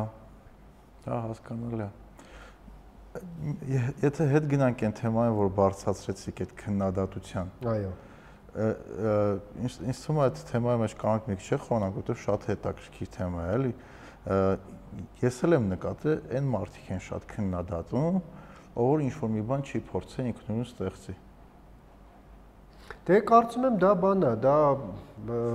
Այսինքն երբ որ դու սկսում ես ինքնուրույն ինչ որ մի բան ստեղծես, դու հասկանում ես անգամ ինչ որ փոքր թիմ կառավարել էր հոկանոց կամ հատ փոքր բան ստեղծել է, որից կօգտվելու են, չգիտեմ, 100 հոգի, կամ դիտելու են 1000 հոգի, անգամ դա շատ դժվար է, ժամանակատար է, ֆինանսա պահանջում։ Այսինքն դու պետքա շատ-շատ ջանք գործադրես, որ ինչ-որ մի բան քումոց ստացվի ու հլադար հարց է, այդ կստացվի թե չէ։ Ու երբ որ դու տենում ես դիմացին այդ ինչ-որ քայլեր անում, փորձում է իր մոտ ինչ-որ մի բան լավ է ստացվում, ինչ-որ մի բան վատ է ստացվում, դու առավոտից ջիգում մենակ դա քննադատում ես, Այդ խոսքը մենակ նրա մասին, որ դու ինքնուրույն ոչ մի բան երևի երբեք չես փորձել անես։ Կամ փորձել ես եւ չես հաջողել եւ դրանից այսինքն դրա մեջ պատրաստ ես մեղադրել բոլորին, քան օրինակ վերլուծես սեփական սխալները։ Ու հա։ մարդկային նատուրան է, հիմա մենք նոր բան չենք օրինելու։ Ցավոք սրտի նախանձը եղել է, կա եւ մնալու է չեն կարող մենք դրա դեմ պայքարել։ Ուղղակի ցավոք մեր հասարակության մեջ դա շատ ցայտուն կերպով է արտահայտվում։ Պատճառներից մեկը այն է, որ մենք փոքր ենք եւ գրեթե բոլորս բոլորին ճանաչում ենք եւ այդ ինչ որ մեկի հաջողությունը մյուսին շատ ավելի այդպես բան է թվում բայց այստեղ մյուս խնդիրը նաև այն է որ ցավոք սրտի մարդիկ շատ հաճախ նաև չեն սիրում աշխատել Չնայած մենք ունենք այդ աշխատասեր ժողովրդի բանը բնորոշումը եւ մեծ հաշվով այդպես է, բայց ես շատ հաճախ տեսնում եմ ինքս իմ աչքով ամենատարբեր ոլորտներում, որ մարդիկ ուղղակի չեն ուզում, չեմ ասում չարչարվեն, աշխատեն։ Մարդիկ չեն հասկանում, որ արժեք ստեղծելը չի լինում հենց այնպես, որ արժեք ստեղծելը դա պահանջում է մտավոր, էմոցիոնալ, ֆինանսական եւ լիքը-լիքը բաներ եւ այդ հաջողության պատմությունները ես ինքս շատ չեմ սիրում, էլի, որտեղ այդ հաջողության պատմությունը մեկ-մեկ տպավորություն է ստեղծում, որ sense մարդը նստած էր, ոչ մի բան չէր անում, այդ հաջողության պատմությունը եկավ վերևի ծնգավի տխին։ Այդպես չի լինում։ Կամ եթե լինում է, շատ արագ դա սպառվում գնում է։ Հա, որտեվ այդ հաջողությունը կարա լինի, կարա հաջողությունը կա, բայց դու հաջողությունը պետք է կարողանաս ճիշտ օգտագործես։ Բացի ճիշտ օգտագործելուց, outcome այդ հաջողությունից ինչ հալում։ Դու ո՞նց ես այդ հաջողությունը օգտագործում ու ինչքան արժեք դրանից կարա ստեղծես։ Եթե դու ոչ մի բան չես կարող անես, հաջողությունը եկավ, դու ո՞նց ես օգտագործելու։ Չես կարողանալ։ Այո։ Իսկ այդ աշխատասիրության վրով ես համաձայն չեմ, որ մենք տենց եսի միջ աշխատասեր մարդիկ ենք։ Եթե թվերին նայենք, մենք productivity առումով շատ ցածր է մեր մոտ թվերը աշխարհի 100 լավագույնի մեջ չենք մտնում եւ վերջի տվյալներով 18 թվականի տվյալներով։ Իսկ աշխատասիրությունը ու productivity-ն մի քիչ տարբեր են։ Հա որովհետև productivity-ն ինքը ընդհանուր կապ ունի երկրի տնտեսության հետ եւ մեր տնտեսությունը ցավոք այսօր ավտոմատացման է դա։ Այո, եւ մի շարք։ Այստեղ խոսքը զուտ մարդկանց աշխատասիրության մասին է։ Ես ընդհանրացումներ չեմ սիրում անել, որովհետև ինքս ամեն օր հանդիպում եմ եւ շատ աշխատասեր մարդկանց եւ շատ համբալ եւ շատ այո ծույլ եւ եւ մարդկանց որոնք եւ ըստեղ էլի հա այդ ինչ որ սիմբիոզ կա այսինքն խորթային բանից եկած այդ բանը որ պետությունը պետք է անպայման հոգ տանի նույնիսկ եթե դու ոչ մի բան չանես պետությունը քեզ ինչ որ մի մինիմալ աշխատանքով կապահովի այդ առաջինը երկրորդը որ այդ ամբիցիաները որ ես այսքան աշխատավարձով չեմ աշխատի երեք չառաջորներ կարծեմ ինչ որ նիստ էր կառավարությունում եւ վարչապետը լավ բան ասաց, ասաց ես չեմ կարծում որ կա ինչ որ մի աշխատավարձ խոսքը նրա մասին էր, որ պետական ինչ որ աշխատանքներ կան ենթակառուցվածքային պրոյեկտներում եւ թափուր աշխատատեղեր կան, մարդիկ չեն դիմում։ Այսինքն չեմ կարծում, որ կա ինչ որ մի թիվ, որը 0-ից ցածր է, այսինքն եթե դու չես աշխատում եւ քո եկամուտը 0 է, չգիտեմ, պայմանական 100 կամ 150 հազար դրամը հասկանալի է, որ ինչ որ մեկի համար այդպես տենց բաղձալի թիվ չի, բայց հաստատ 0-ից ավելի շատ է։ Այդ առումով ես լրիվ համաձայն եմ եւ կարծում եմ, որ այ մեր այսօրվա հասարակության խնդիրներից մեկը հենց դա է, որ մարդուն թվում է, որ ինքը ճանենալով ոչ համապատասխան կրթություն եւ ոչ փորձ, այն ինչ որ մեկը պիտի գա ու իրեն 300.000 դրամ տա, դա չի լինում տենց։ Ոչ միտեղ չի լինում եւ ինչքան շատ այդ մարդիկ այդ պատրանքներով ապրեն, այդքան ավելի շատ են իրանք աշխատանք ման գալու փոխարեն մտնելու Facebook եւ հիմար բաներ գրելու։ Հա այդ իրականում ճիշտ եք ասում մի մի քանի շաբաթ առաջ ընկերներից մեկի հետ են խոսում իրանք տենց ցեխ ունեն շշերի արտադրությունն է տոլի վերամշակումը սամեր այդ մի հատ անվան է կա որ օրվա կեսը խմածա միշտ ու ոչ մի բանով չի զբաղվում, Սավորոսյանն է Սպարքաուզը։ Ասպով, ասպով գնաց ասացի, արի մեր մոտ շշերը կլվաս, էլի, լվա դիր դուփի մեջ, ու վсё, էտա քո գործելնելու, ամիսը 160000 դրամ աշխատված կտա, ասացա։ Է 160000-ով ես չեմ գա աշխատել, ես դու «Դե, փողոցում նա ինչ ասեմ։ Չէ, հիմա տեսեք, մենք ծիծաղում ենք, բայց սա լրջագույն խնդիր է եւ կարծում եմ ամենա լուրջ խնդիրներից մեկն է եւ չի կարող այս երկիրը կայանալ եւ շենանալ, եթե այդ մարդկանց թիվը չպակասի։ Մյուս կողմից է հակառակն է ունենք։ Մի հատ ընտիր ջահելություն ունենք, որոնց հետ ինձ բախտավիճակում ամեն օր շփվում եմ, որ իրանք իրանք ռեզումեները ուղարկում են, ասում են մենք պատրաստ ենք անվճար գանք ձեր մոտ, չգիտեմ, մի քանի ամիս աշխատենք, որ սովորենք։ Հակառակն է կա ինձ թվում է այդ դրա մասին է պետքա խոսանք որ լավ ես ես միշտ ասել եմ որ իմ հույսը այն է որ այս նոր սերունդը կամ նոր սերունդները որ գալիս են սովետ չտեսած սերունդները եւ ճանապարհորդած նայեք ուրիշ մեծ խնդիր կա մեր երկրի ես հստակ տենց վիճակագրական տվյալներ չունեմ բայց վստահ եմ որ մեծ մասը երբևէ չի եղել արտ երկրում կամ զարգացած եթե չեմ սխալվում 60%-ից ավել չի եղել այսինքն այդ մարտիկ համեմատելու սովորելու իրենք բան չունեն Եվ ես հիշում եմ, այսինքն ինքս, հա, շատ ճանապարհորդելուց հետո ու շատ բաներին սկսում ես այլ կերպ նայել։ Սկսած ուղակի շփման կուլտուրայից հասկանում ես, որ օրինակ պետք չի այդքան ագրեսիվ լինել, որ միգուցե եթե ռեստորանում ես, պետք չի շատ բարձր խոսել, որովհետև նո ես տարական բաներ եմ հա։ ասում, Բայց մինչև դու, այսինքն մարդու էությունը այդպեսին, մինչև դու քո ինքդ քո աչքով չես տեսնում, քեզ թվում է որ քեզ խրատ են կարդում, ման են անում, չէ՞ խելոք, բայց երբ որ դու գնում ես եւ տեսնում ես, հասկանում ես, որ այո, իրոք ման է։ Եվ կարող ուրիշ ձև լինի, ասինքն այս հենց այս առավոտ այդ այդ հարցն ենք քննարկում իմ ընկերներից Մարիամի հետ, ասում օրինակ լիքը տղաներ կան, որ 100.000 աշխատավարձ են կարողանում մաքսիմում աշխատեն ու դրանից ենքում չեն է պատկերացնում ինչ կարան անեն, որ ավելի շատ աշխատեն։ Հենց նու մենակ տղաներ չէ, աղջիկները։ Այդ ինձ թվում է այդ խնդրից է գալի, որ այդ մարդկանց այդ իրանց փոքր կռուկից դուրս ոչ մեկ չի օգնում որ տեսնեն։ Շատ անգամ մարդն է չի մեղավոր, էլի, ասինքն ես ին որով եմ օրինակը բերեմ, եթե ես 10-րդ դասարանում չգնայի Ամերիկան սովորեի, ինչ որ նոր բաներ տեսնեի հետ գայ, ես կարող եմ մնալ Վանաձորում ոչ մի բան չանեի, ինչ որ հայաթում ծրվեի բողոքեի, սաղորը մտնեի Facebook-ում կոմենտ գրեի թալանիկ մեզ, թե ինչը թալանի, ես կյանքում ոչ մի բան չստեղծ, ինչ տեն թալանի չեմ հասկանում։ Այսինքն ինձ բախտավիճակվե փոքր տարիքում երկրից դուրս գալ, տեսնել ոնց կարա ուրիշ ձև լինի բայց շատ շատերը այդ այդ այդ բախտ չի վիճակում ինձ թվում է այդտեղ համ բոլորս ինչ որ անելու բան ունենք էլի համ պետությունը համ հասարակական կազմակերպությունները որ այդ այն մարդիկ որ այդ փոքր նեղ կռուգի մեջ են իրանց կրթել ցույց տալ չգիտեմ արտասահման տանել որ կարա լրիվ ուրիշ ձև լինի էլի որ եթե երբ որ դու խանութում ասում մի հատ պակաս պլաստիկ ես ուզում վերցնես այդ տոպրակը քիչ վերցնես կամ քո տոպրակով գնաս լցնես օրինակ հենց երեք Երևան City-ում անում տվեցի լավ ոչինչ կասերին ասում եմ պետք չի տոպրակի բեքփեքով եմ, ռյուկզակով եմ, մեջ չգտնեմ։ Ասում եմ փոքր է դնում։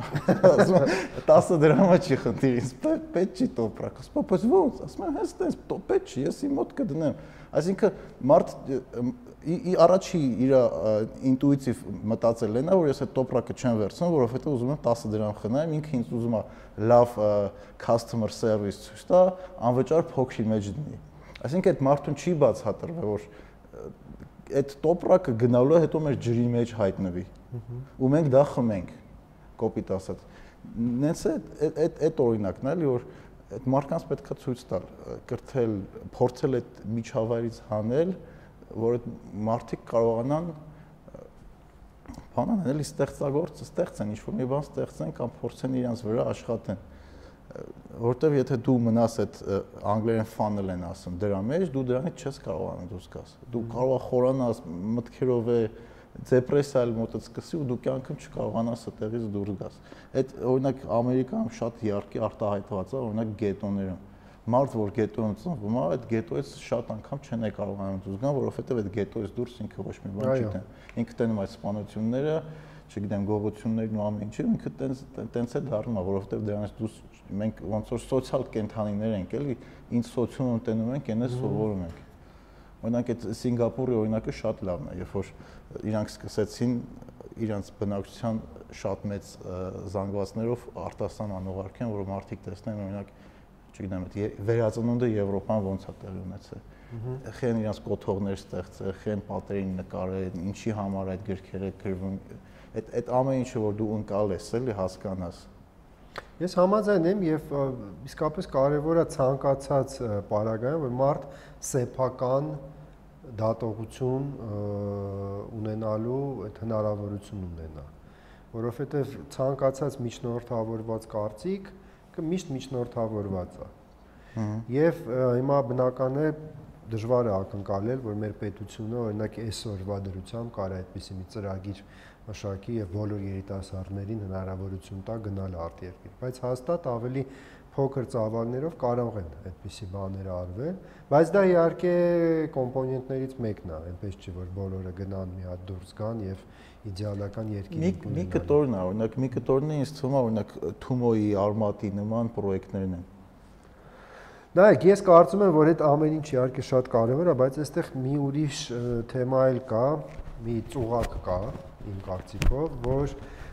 մենք ունենք այդ շատ լավ կղզյակները, հա, Թումոն, Այբը, ամենայն հարգանքով թե մեկի, թե մյուսի հանդեպ եւ մի շարք այլ բաներ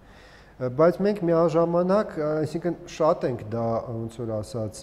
կուլտիվացնում, Բայց արանքից դուրս ամնում օրինակի համար, որ մենք այսօր ճունենք լավ արեստավորներ հա մենք օրինակ ճունենք եւ այստեղ կարծում եմ որ ու այդտեղ կարծես թե պետությունը որոշակի բաներ անում է միջին մասնագիտական կրթության հա դերը եւ նշանակությունը բարձրացնելու այսինքն այդ բանը որը խորթային տարիներին ձևավորվել էր հա որ բոլոր նորմալ մարդիկ գնում են բուհ իսկ ովքեր ծույլ են կամ այդքան ընդունակ չեն իրենք գնում են պետերում հա Բայց այսօր մենք ունենք բան, որ օրինակի համար, չգիտեմ, հազարավոր կամ տասնյակ հազարավոր թվերի մեջ կարող եմ սխալվել, մենք ունենք իրավաբաններ կամ հաշվապաններ, որ ուղակի պետք չի այս երկրի տնտեսությանը։ Հա, միանշանակ։ Եվ չունենք վարպետներ նույն այդ վարպետների ինստիտուտը, որ միշտ չէ, մեզ մոտ այսինքն այդ վարպետը հենց այնպես չեն մարդուն վարպետ անվանել։ Դա մարդ ա եղել, որը ամենայն հարգանք ա վայելել, այսօր կամ չունենք, կամ շատ քիչ են մնացել։ Այսինքն իմ ասածն է, որ պետք է զուգահեռ եւ համաչափ այս բոլոր շերտերը մենք զարգացնենք, որովհետեւ ուրիշ բան եմ ես նկատում, հիմա նույնիսկ մեր պետական այրերի մոտ, հա, նախագահը կարծեմ անցյալ տարի թե ասել էր, որ մենք պիտի տենց ստարտափ երկիր դառնանք։ Այդ ստարտափ հիստերիան էլ ինձ օրինակ այդքան դուր չի գալիս, որովհետեւ էլի ապացուցված թվեր կան, որ 10 ստարտափերից 8-ը կամ 9-ը fail են լինում, բայց որևէ մեկը այդ երեխեքին, որոնք տենց տարապում են ստարտափ տնը, բանով դա դա չի բացատրում։ Եվ շատ հաճախ մարդկանց թվում է, որ եթե ինքը ստարտափ է բացում, ինքը անպայման պիտի հաջողության հասնի, ինվեստորներ ներգրավի եւ այլն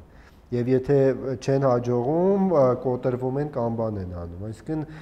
դա էլ այնպես չի, որ չեն կարող բոլորը դառնան ստարտափի հիմնադիր եւ պետք էլ չի։ Պետք է չի միանշան։ Այսինքն այդ այդ անպայման խրախուսելը, որ եկեք բոլորը ստարտափ եք բացեք, պետք չի դա։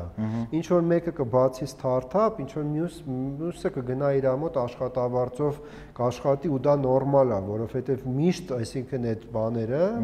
ընտրեպրեներները ավելի քիչ են, քան իրենց մոտ աշխատող մարդիկ, բայց որևէ մեկը չի կարող ասել, որ մեկը մյուսից ավելի բարձր է։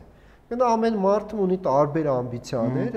ավելի շատ ամբիցիաներ, չգիտեմ, խելք, բանը մյուսը գնում է իր մոտ աշխատում է թվում է որ սրանք པարզ բաներ են, բայց եթե այ հիմա մանավանդ երիտասարդների մոտ դա ճիշտ չբացատրվի, կրկին հոգեբանական եւ շատ խնդիրներ կարող են առաջանալ։ Համաձայն եմ, բայց ինձ թվում է Հայաստանում այդ այդքան շատ չեն երիտասարդները, որոնք ուզում են սեփական բիզնես ստեղծեն։ Իսկ ես կարծում սեփական բիզնես ստեղծել ինքը շատ դժվար է։ Շատ դժվար է, երբ որ դու գիտես, որ դա շատ դժվար է։ Երբ որ դու դա չգիտես, Մեզ օրինակ օրինակ բերեմ, մեր տան տանից երևի այտենց մի 500 մետր ներքև մի հատ բուտկա կա, այսինքն ինքը ժամանակին ծաղիկի խանութ ա եղել, հետո ինչ ասես, այդտեղ չի եղել։ Եվ եթե ոչ ամիսը 1, 2 ամիսը 1, այդտեղ ինչ որ նոր բան են փորձում ստեղծել։ Սննդի կետ, էլի ծաղիկի կետ, բանջարեղենի եւ մրգի բան։ Որտեղ բանը նենց է, որ մեքենա կայանելու տեղ չկա, իսկ մարդկանց հոսքը իմ կարծիքով ես դրա մասին բավարար չի, որպեսզի այդ կետը ինքը մրցունակ դառնա։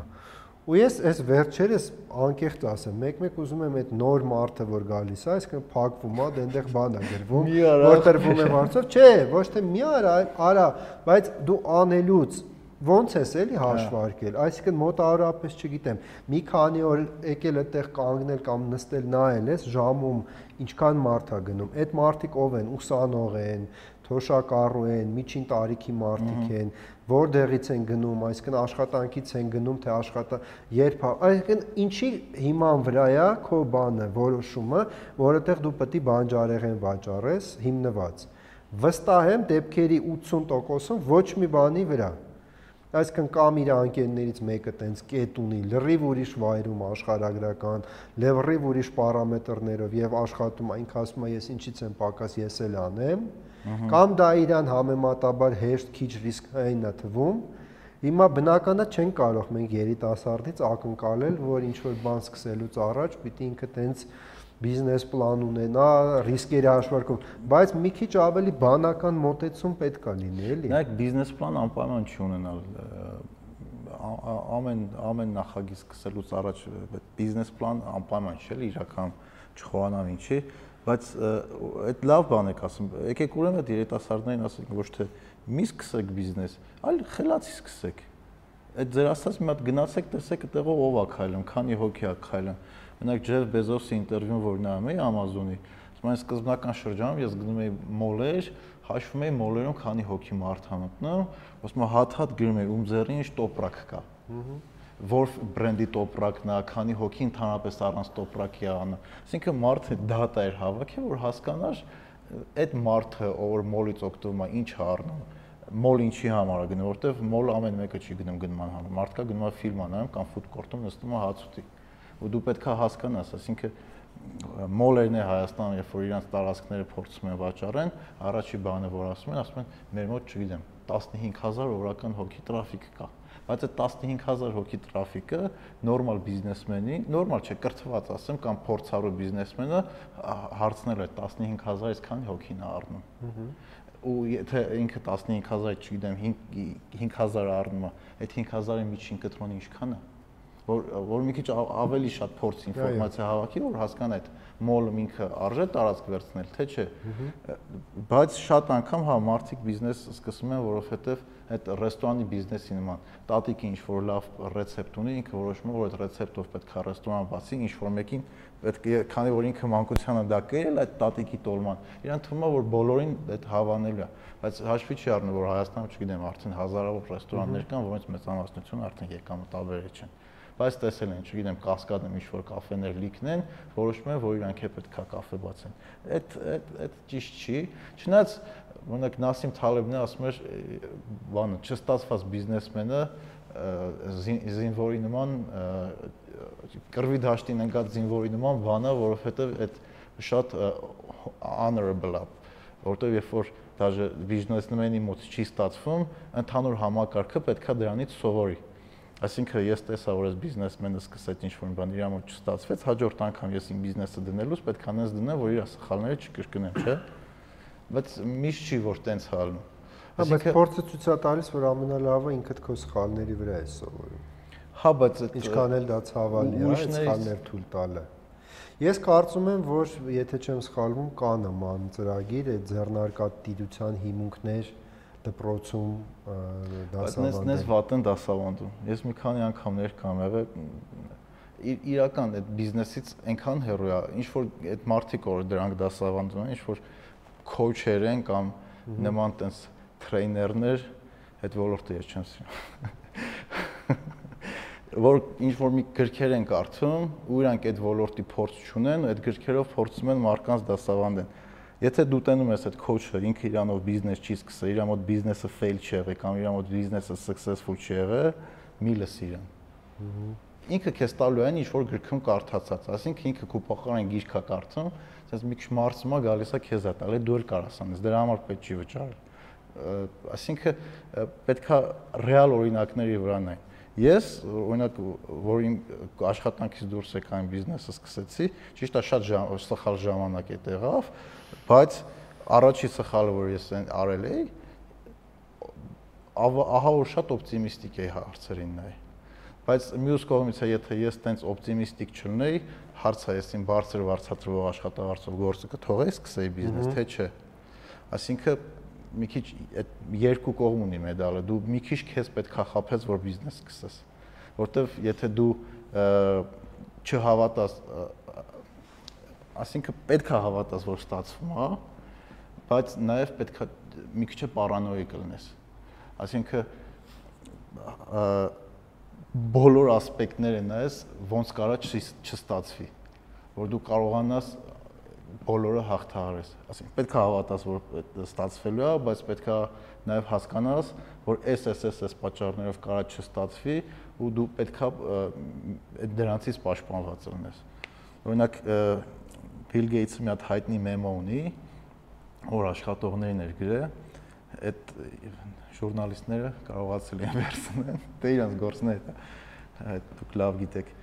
այն Microsoft-ն ամենալավ ժամանակները, որ արդեն մոնոպոլիստ էին իրանք համարվում, Bill Gates-ը մեմո էր գրել, որ մեր մոտ սա վատ է, կոնկուրենտները սա ուտելու են մեր ծախսերը, մեծ է, եկամուտները են, սա ասում են, այս մարդը գիժ է բայց իրականը որ նա մեզ հաջողակ մեծ կամպանիաների տնօրեններին հիմնադիրներն իրանք մի քիչ այդ այդ առումով պարանոիկ են որովհետև ցանկացած քայլի ընդամենը կարա կործանվի ու դու պետքա դրան պատրաստ եղնես ինձ թվում է դուք բիզնեսի ղեկավարակ այդ այդ շատ լավ պատկերացնում եք անընդհատ պետքա քո վրա աշխատես անընդհատ պետքա հասկանաս որ ինչ որ անկյունից մեկը կարա դուրս գա ու այդ ամեն ինչը քեզնից լավ անի անընդհատ պետքա նորը ստեղծես ու առաջ գնաս ու թիմի հետևել դա էլ է կարևոր մենակ Yell Extreme Park-ի Տիգրանի հետ տարբեր պրոյեկտների շուրջ աշխատել ենք, իր մեջ ինձ ինչն է դուր գալի, որ ինքը իր վիժնը ունի, ուր այդ պարկը գնում ու ինքը դրա մասին անընդհատ բոլորին ասում է իր աշխատակիցներին, իր պարտներներին, մարդկանց այդ իդեալով վարակում է։ Այսինքն կարևոր է որ դու իմանաս ուր ես գնում ու դրա մասին պատմես, քո թիմը իմանա ուր է գնում, ասինքն դուք ասեցիք, չէ, անընդհատ նոր բան եք ստեղծում, այդ թիմին այդ էներգետիկան փոխանցում եք, որ այդ մարդիկ է իմանա ուր են գնում, ինչի համար են ամենառավոտ աշխատանքի գալի, ինչ խնդիրներ կարա առաջանա, ինչ opportunity-ներ կարա լինի, հնարավորություններ, որի վրա դու կկարողանաս քո բիզնեսը աճացնես։ Այսինքն ինքը բարդ process է, ինքը մի հոգու գործ չի, դու պետքա թիմ ունենաս, անընդհատ աշխատեք այդ ուղղությամբ, էլի, այդ կարևոր է հասկանալ ու այդ կարևոր է փոխանցել երիտասարդներին, որ եթե դու ուզում ես բիզնես սկսես, սկսի, բայց դու պետքա պատրաստ եղնես, պայքարես դրա համար։ Չէ, եւ շատ աշխատելը դա դա չգիտեմ, բոլոր հնարավոր հարթակներից դրա մասին պետք է խոսալ, որ չի լինում հաջողություն, եթե մարդ շատ չի աշխատում, եթե իրան չի զրկում ինչ որ մի ինչ որ բաներից, հա, իր ազատ ժամանակից, իր բանից։ Հիմա դա էլ պետք է իհարկե չափի մեջ լինի, որովհետև ինչ որ մի պահի կարա այդ աշխատանքը ինքնանպատակ դառնա եւ այդ պայծ սկսած դաթարի նաեւ հաճույք պատճառել, հա, իսկ այդ բալանսն էլ դա էլ ժամանակի ընթացքում է գալիս բայց առանց աշխատանքի հասնել հաջողության, եթե ինչ որ մեկը կարա ցույց տա օրինական, հա, ճանապարհ, որով դրան հասելա, դա անհնար է ուղղակի եւ ես կարծում եմ, որ այո, մեր հասարակության մեջ այ աշխատանքը պետքա կուլտ դառնա, մարդիկ պիտի հասկանան, որ եւ մենք այդքան որ խոսում ենք մեր դարավոր հազար հազարամյակների պատմության մասին, դա շատ լավ է։ Բայց ես վերջերս հարցազրույց էի տվել լրագիր EM-ին Եվ այնտեղ ասել էի եւ ես կարծում եմ որ դա իսկապես խնդիր է եւ մտածում եմ ոնց կարելի է այս թեման ավելի զարգացնել մենք իրոք էլի այդ խնդիրը կա մեզնում մեզանում խզված է կապը մեր անցյալի, ներկայի եւ ապագայի միջև Եվ սա թվում է որ այդպես բանը, բայց իրականում ստեղ մեծ խնդիր կա։ Այսինքն մենք միշտ հետ ենք նայում, որ մենք ունեցել ենք եւ հաջողություններ եւ անհաջողություններ, բնականաբար հաջողություններն ենք մանանում։ Բայց այդ կապը չենք ստեղծում, որ այսինքն այն ինչ որ մենք ունենք այսօր որոշ իմաստով նաև դրա բան է, բայց եթե մենք ձգտում ենք դեպի ավելի լավ ապագա, այդ ապագան ներ, այսինքն այսօրը վաղը արդեն դառնում է ապագա։ Եթե մենք այսօր այդ ապագան չենք կերտում, չի լինելու այդ ապագան ավելի լավը, այդ մեկ եւ երկրորդը երբ ասում ենք ավելի լավ ապագա, ինչ ենք ինչ ինչ ենք հասկանում դրանից։ Այսինքն եթե խոսքը գնում է իմ կամ ձեր մասին, հա, մենք մենք մեր աշխատանքով ենք զբաղվում, դուք ձեր աշխատանքով, մենք ենթադրում ենք, որ ավելի լավ ապագան դա այնա, որ մենք այսօր ունենք, ասենք X քանակի կլիենտ, վաղ ունենանք x անգամ 2, դա մեզ թույլ կտա սկսել ինչ-որ նոր պրոյեկտներ, հա, ավելի հետաքրքիր բաներ։ Չափելի պետք է։ Դա կբերի որոշակի բարեկեցության աճի, մենք մեր ընտանիքի հետ կկարողանանք, չգիտեմ, ճամփորդել ոչ թե տարին մեկ, այլ երկու անգամ, հա, եւ դա բայց երբ որ ասում ենք դե լավ կլինի կամ ավելի լավ կլինի կամ եթե չգիտեմ Սերժ Սարգսյանը գնաց Նիկոլ Փաշինյանը եկավ ավելի ավելի լավ է լինելու, չի լինելու, եթե դու որևէ բան այդ ուղությամբ չես անում։ Եվ այդ խզումը եթե մենք չվերացնենք, ես չեմ կարծում, որ մեր այդ մենք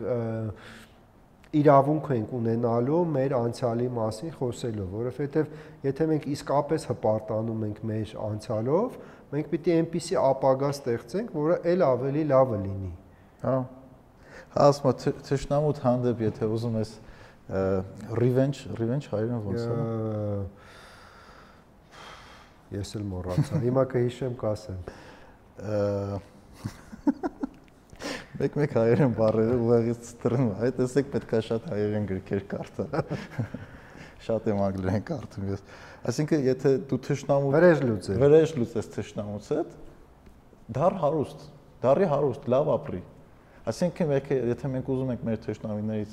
վրեժ լուծենք, մենք պետք է դառնանք հարուստ, Նարեկ ջան, բայց հարուստ դառնալն իմ կարծիքով ճիշտ բան չի։ Հարուստ փոխաբերական նյութական առումով չէ։ Չէ, որովհետև այդ խնդիրն էլ մենք ունենք, չէ, որ մարդիկ ասում են մենք ուզում ենք հարուստ լինենք, բայց էլի որ մի քիչ սկսում ես այնց ավելի փորել, լավ, հարուստ լինել ինչ, օրինակ այսօր վարում ես այսպիսի մեքենա, վաղը եթե վարես ավելի լավը արդյոք դու ներքուստ քեզ ավելի լավ ես զգալու։ Նայեք, այդ այդ հարուստ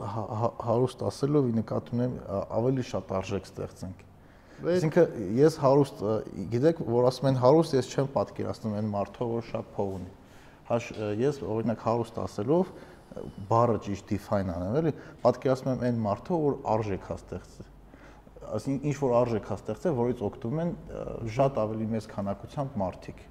Այսինքն մեդիամաքսի վրա օրինակ բերեմ, դուք հարուստ եք իմ իմ կարծիքով։ Խի, որովհետև դուք ստեղծել եք մի բան, որից օգտվում են հազարավոր մարդիկ կարող է դուք ամենավերջի Lexus-ը չեք սկսում, բայց ինչ որ արժեք եք ստեղծել, որ այդ արժեքը արժեքի միջոցով այսօր մենք նստած ինչ որ թեմայի շուրջ զրուցում ենք, ասինքն մինչև ձեր հետ ծանոթանալը ես օգտվել եմ ձեր լրատվականից ինձ օգտակար է դա եղել, ես ստեսել եմ որ որակ կա, ամեն ինչ կա ու այդ իմ, համար հաճելի է եղել։ Այսինքն դուք ստեղծել եք մի բան, որը իմ, նման մարդիկ դրանից օգտվում են։ Այդ արդեն հարստություն է ու եթե մենք դրանից օգտվենք, բնականաբար այդ պետքա ինչ-որ նյութական արժեքները բերի ստեղծողին։ Համաձայն եմ։ մեդիայի մասին որ խոսում ենք, ցավոք մեր մեր մոտ այդ բանը քիչ կա, էլի, եւ օրինակ քիչ առաջ որ մրցակցությունից խոսում ենք, բնականաբար ցանկացած բիզնեսում մրցակցությունը ինքը եղել է եւ կմնա շարժիչ ուժը եւ դրա դեմ պայքարելը եւ դա վիճարկելը անմտություն է բայց մենք օրինակ մենք հաճախ զգում ենք որ մենք ինքներս մեր հետ ենք մրցակցում որովհետեւ քանի որ որակյալ կոնտենտի որակյալ կոնտենտը ցավոք այսօր շատ ավելի քիչ է Հայաստանում, քան անորակը, դու հասկանում ես, որ այսինքն այն բնական մոդելը, երբ որ դու պիտի քո նման, ասենք, մի 10 հատ պիտի լինի, ու դուք տենց իրար ոնց որ բան չտալով, հերթ չտալով, մի օր մեկն է մի քիչ առաջ ընկնում, մյուս օր, դա նորմալ վիճակը։ Հիմա ցավոք սրտի այդ վիճակը մենք այսօր չունենք, կոնկրետ որակյալ կոնտենտի մասին եմ հա խոսում եւ ստիպված մենք հաճախ ինչ որ բաներ ենք անում ինքներս մեզ ոնց որ տեղից շարժելու են բարոն Մունխաուզենի պես են որ իրան ճահի ճիշտ մազերից բանալու բայց դա բան չէ էլի դա դա բնական դա բնական մոդել է չի դա հիմա օրինակ ոնց որ բան անենք դու ունենաս չգիտեմ մի քանի կատ արտադրող պայմանական եմ ասում եւ հանգարտ դրանցից մի քանիսը դուրս գան մնան ընդամենը մեկը կամ երկուսը չի լինելու այդ նորմալ բան էլ այսինքն դու ուզես թե չուզես լճանալու ես ինչ որ բանի վրա աչք ես փակելու դե ասելու ես մեկը էս ասենք ես իմ աուդիտորիան ունեմ Ա եւ այս աուդիտորիային օրինակ այսօր երեկոյան կարանք լավ նյութ չդնենք օրինակ այդ նյութը պահենք վաղվա։ հա, Բայց երբ որ դու գիտես, որ այսինքն եթե դու չդնես մեկը, երկրորդը, երրորդը, չորրորդը դնելու են ու դու այդ օրը կոպիտ ասած պարտվելու ես, հաստատ ամեն ջանք գործադրելու ես, որ դա անես։ Խոսքը դրա մասին է։ Դու ինքդ քեզ կարաս խթանես, ինչեւ որոշակի բանի, բայց չես կարող էլի, ասենք լիարժեք մրցակցություն ինքդ քեզ ստեղծես։ Բարձր։ Այդ խնդիրը կա, Եվ այդ խնդրի լուծում լուծման մասին էլի կարող ենք ժամերով խոսել եւ հետ գալով ես կարծում եմ որ էլի ոչ պոպուլյար բան եմ ասելու, բայց կարգավորում պետքա մտնի եւ հենց on-line մեդիայում եւ մենք այսօր միշտ այսինքն ասել ենք որ դա ձեռք բերում է որ ըստ էության որևէ կարգավորում չկա եւ տոտալ խոսքի ազատություն է բայց արդեն դա խոսքի ազատության հետ որևէ կապ չունի այսինքն կա ամենաթողություն եւ կա ընդհանուր դաշտի քայքայում եւ մեդիայի որպես երևույթի բանի քայքայում, հա։ Եվ այսօրվա աշխարհում մենք ունենք մի վիճակ, երբ որ տեղեկատվական անվտանգությունը իմ կարծիքով նույնքան կարևոր է, որքան ֆիզիկական անվտանգությունը։ Հա։ Եվ ամեն անգամ, երբ որ այս հուլիսին, երբ որ եղավ սրացումը, Փառք Աստծո այս անգամ ավելի քիչ եղան այդ տիպի բաներ, բայց դու տեսնում ես, որ այսինքն 1 կամ 2 անհասկանալի ցակման կայք կարող են մի քանի ժամվա ընթացքում օրինակ հասարակության մեջ վիրալ գնան խոճապային բան լինի եւ բնականաբար դրանից կարող են օգտվել եւ կարծում եմ օգտվում են նաեւ համապատասխան երկրի համապատասխան ծառայությունները։ Այսինքն, եթե մենք գալիս ենք ընդհանուր հայտարարի առայն, որ տեղեկատվական անվտանգությունը նույնքան կարևոր է, որքան ավանդական անվտանգությունը, պետք պետքա համապատասխան կամ որպես կամ օրինակ որպես սննդի անվտանգությունը։ Հիմա ես օրինակ բերեմ, կարող է շատ པարզեցնում եմ, բայց երկրում չի կարող, չէ, ով ուզի հաց արտադրի իմ հասկանալով, եթե դու սկսում ես հարց արտադրել, որոշակի բաներ պետք է անցնես, լիցենզիաներ անցնես, այսինքն սանեպիտ կայանը պիտի գա, քո տարածքը ստուգի հասկանա դու տեղ եւ այլն, կամ քո որակ քո վերջնական ապրանքը վերահսկվում է որոշակի ժամանակը մենք։ Հիմա իսկ ինչի նույնը չպիտի լինի տեղեկատվական անվտանգության բանում։ Ինչի պիտի այսօր Մեր օրինակով ասեմ Մեդիամաքսը, որը 21 տարի գործում է, եւ ինչ որ մի կայք, որը ես ու դուք կարող ենք 2 ժամում ստեղծել եւ ինչ ուզենք այնտեղ լցնել, իրավական նույն կարգավիճակը ունենան։ Չի կարող դա այդպես լինել։ Բնականաբար շատ լավ հասկանում եմ, որ մեդիայի կարգավորման ցանկացած փորձ միշտ դիտվելու է որպես ցենզուրա սահմանելու, որպես քաղաքական լծակ դարձնելու եւ այլն, բայց այստեղ մենք պետքա ուղակի արդեն ոնց որ ասած բան անենք, հա, դնենք եւ համեմատենք։ Ինչն է մեր համար ավելի կարեւոր վստահ եմ կարելի կարելի է գտնել կրիտերիաներ, գոնե մինիմալ, որ եթե դու ուզում ես լրատվամիջոց համարվես, դու պետք է ABC կետերին համապատասխանես։ Այսինքն եթե դու քեզ անվանում ես լրատվական կայք, դու չես կարող 1 կամ 2 աշխատակից ունենալ։ Բացառվում է ոնց որ չես կարող 1 կամ 2 հոգով հացի արտադրամաս պահես, հա, այդտեղ առնվազն նոր տեխնոլոգիական բաներ կան, չէ, մեկը պետք է խմորը պատրաստի, մյուսը պետք է փեչը դնի եւ այլն։ Նույնը է այստեղ, հա, եթե դու կայք ես, այսինքն պետք է ունենաս X քանակի լրագրողներ, խմբագիր, թարգմանիչ, էջադրող։ Եթե այդ ամենը դու չունես, դա նշանակում է, որ դու ուղակի սունկ կայքեր են դրանց ասում, copy paste ես անում եւ դու իրավունք չունես լրատվամիջոց կոչվել։ Դու կարող ես կոչվել ինչ որ մի այլ բան եւ կարա ինչ որ մի բան լինի, որ ընթերցողը հասկանա, որ սա օրինակի համար կոպիտ եմ ասում, C կլասի բան, հա, ինքն է որոշում ընդունում, եթե ինքը ուզում է այդ Չ կլասի բանը կարդա, թող կարդա, բայց այդ դասակարգումը պիտի անի կարգավորիչի կողմից, որովհետև մենք ինչքան էլ ասենք, որ պետք է աշխատենք մարդկանց մեծագրագիտությունը բարձրացնենք, այդ ահռելի ծավալի մեջ ամեն մարդ չի կարող տարանջատում անել։ Եվ դրա համար ինչ որ մի հիմա շատ պայմանական եմ ասում, ինչ որ մի նշան պիտի լինի, որ սա էլի իրավունք ունի գործելու, բայց ինքը որոշակի այլ հարթության մեջ է բանանում։ Ինքը օրինակ լրատվամիջոց չի, չգիտեմ ինչա։ Բայց ախր եթե շուկան չի կարող այդ կարգավորի Ձեզ ձեզ թվում է որ պետությունը կկարողանա դա նորմալ մոնիտոր անի, որովհետև սկի սմետանի թթվասերի կոնտրոլը նորմալ չեն կարող անել, ինչ մնաց ինֆորմացիա։ Նարեկ ջան, իմաստեղ ընտրությունը այնա, որ կամ ուրեմն մենք այս ամենաթողությունը շարունակում ենք, կամ փորձում ենք աստիճանաբար այդ խնդրի լուծումը տալ։ Հիմա նորից, եթե այդ խնդրի լուծումը պետք է շուկան տա։ Այսինքն հենց մեդիա դաշտի մասնագետները փորձեն այդ խնդիրը ինչ-որ մի ձև լուծեն որովհետև պետու իմ կարծիքով էլի լրիվ իմ սուբյեկտիվ կարծիքն է որ պետությանը տալ գործիք, որի միջոցով ինքը մեդիան կարողանա կոնտրոլ անի, այդ կարող շատ շատ շատ վատ հետևանքներ շատ վատ հետևանքներ կարող ունենա երբ որ ասում եմ կարգավորվի չի նշանակում որ պետությունը այսինքն պետությունը մեդիայի նախ լրագրողական կազմակերպությունների հետո անհատ լրագրողների խմբագիրների հետ համատեղ պետքա մշակի այդ կրիտերիաները։ Եվ հասկանա։ Այսինքն պիտի դա չի կարող լինել ուղակի այսպես վերևից վերահսկողություն, այո, եթե այդպես լինի, դա կլինի հայտարարում, խոսքը դրա մասին չի։ Որտեղ օրինակ ես ես ես sense բան եմ պատկերացնում, օրինակ ինչ որ breaking news է, ինչ որ միտեղ ինչ որ մի բան տեղի ունեցել, չգիտեմ, մեկը շատ արագ հասել է այդտեղ, դրա մասին ինֆորմացիա տվել ու այդ այդ ինֆորմացիան հələ դեռ ոչ մեկ չի կարող հաստատի։ Օրինակ այդ ինֆորմացիան պետք է թողարկվի թե չէ։ Միանշանակ, խոսքը դրա մասին չի։ Խոսքը դրա մասին է, որ եթե օրինակի համար էլի գանք, հա, այդ հացի բանին։ Երբ որ դուք հա։ գնում եք խանութ, դուք օրինակ տեսնում եք, չէ, որ թեկուզ իր արտաքին տեսքից, որ այս մի բանը վստահություն է ներշնչում, այս մի բանը վստահությունը ավելի քիչ է ներշնչում։ Կամ պիտի լինի ինչ որ մի բան տարանջատելու Օրինակ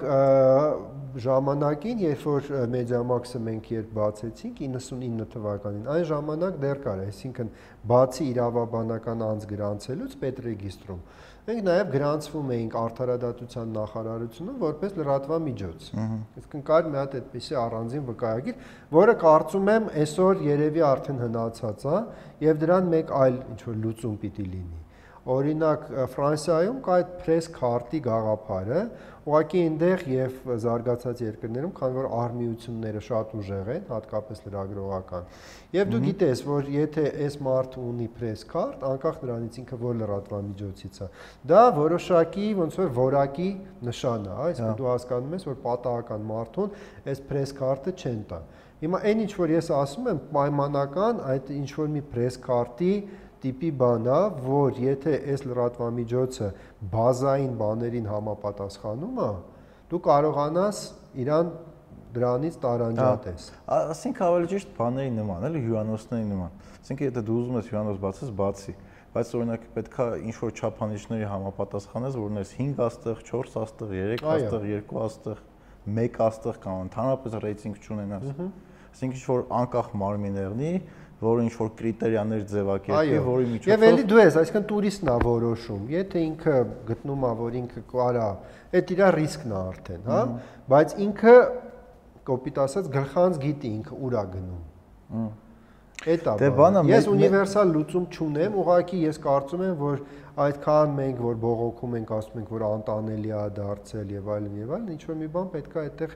ձեռնարկել եւ անել եւ ուղղակի այդ միջավայրը, որում մենք ամեն օր ապրում ենք, փորձենք մի քիչ ավելի ոնց որ կարգավորված դարձնել։ Դա չանելով ես չեմ կարծում, որ որևէ մենք բան կունենանք, էլի առաջընթաց, ցավոք ամեն օր տեսնում ենք, որ մակարդակը էլ ավելի է անկնում։ Պարզո։ Շատ լավ։ Ձեզ շատ շնորհակալություն Արաջան, շատ հետաքրքիր զրուցելը։ Ինձ թվում է եւս մեկ անգամ կհանդիպենք մոտակա ապագայում։ Հա ու, ու պլյուս կուզեի նշեի, քանի որ սկսեցինք հա, ձեր հետ խոսամ գրքի մասին խոսանք, կոմենտների դաշտում խնդրում եմ նշեք ձեր կարծիքով որն է պատմության ընթացքում լավագույն ռոք խումբը, պատահական սկզբունքով Արայ գրքի մի օրինակ կնվիրենք ձեզ ով գրեց Led Zeppelin առավելություն ունի։ Ես եմ շատ շնորհակալ, Նարեկ ջան, ես վաղուց էի ձեր հաղորդումը նկատել, ինձ հետաքրքրել էր եւ իսկապես հաճելի էր հյուր լինել եւ ցանկանում եմ, որ չհոգնեք, այս հաղորդումը շարունակեք։ Այս դեպքում այն փաստը, որ դուք պրոֆեսիոնալ լրագրող չեք, այս մեր վերջին ը, թեմայի մոտ Հա։ չի խանգարում իմ կարծիքով միայն օգնում է այս գործին։ Շնորհակալություն, դե ես այս հաղորդումը պոդ ոդկաստ հաղորդում ոնց ոնց ոնց կարելի անվանել, այդ նրա համար եմ սկսել որ հետաքրքիր մարդկանց հրավիրեմ, ծանոթանամ ու տենց հետաքրքիր թեմաների շուրջ զրույց ունենանք ու մարդկանց ինձ թվում է այդ այդ ամեն ինչ հետաքրքիր է, հանրային դեպս սկզբնական փուլում դրական ֆիդբեքը շատ ա եղել, որը տենց ողջևորում է, որ այլ ավելի շարունակենք ու ձեր նման հետաքրքիր մարդկանց հետ եմ ծանոթանում, որը լի- լիքը տենց գիտելիք հա տալի, նորություններ հա տալի ու ոնց ասեցին ամեն մեկս է այդ իսկ որ նշեց այդ ը, կռուգի մեջ ենք մերը չգիտեմ մի քիչ մեծ է մյուսինը մի քիչ փոքր է մյուսինը ավելի մեծ է ու հետաքրքիր մարդկանց հետ շփվելով դու այդ ը, կռուգը մենակ այդ կլորը մենակ մեծացնում ես որը մենակ առավելություն է քո ու այն մարդկանց հետ համար ում հետ այդ ամեն ինչը արվում այլ Միանշանակ համաձայն եմ։ Ձեր գործերին հաջողություն։ Ես է նշեմ, որ ձեր դե Media Max-ի մշտական կարդացողներից է